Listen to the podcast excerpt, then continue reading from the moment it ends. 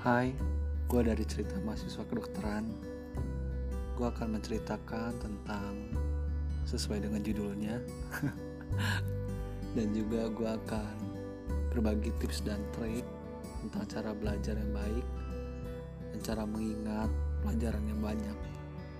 Yang sangat seru lah pokoknya. Jadi siap-siap buat didengerin.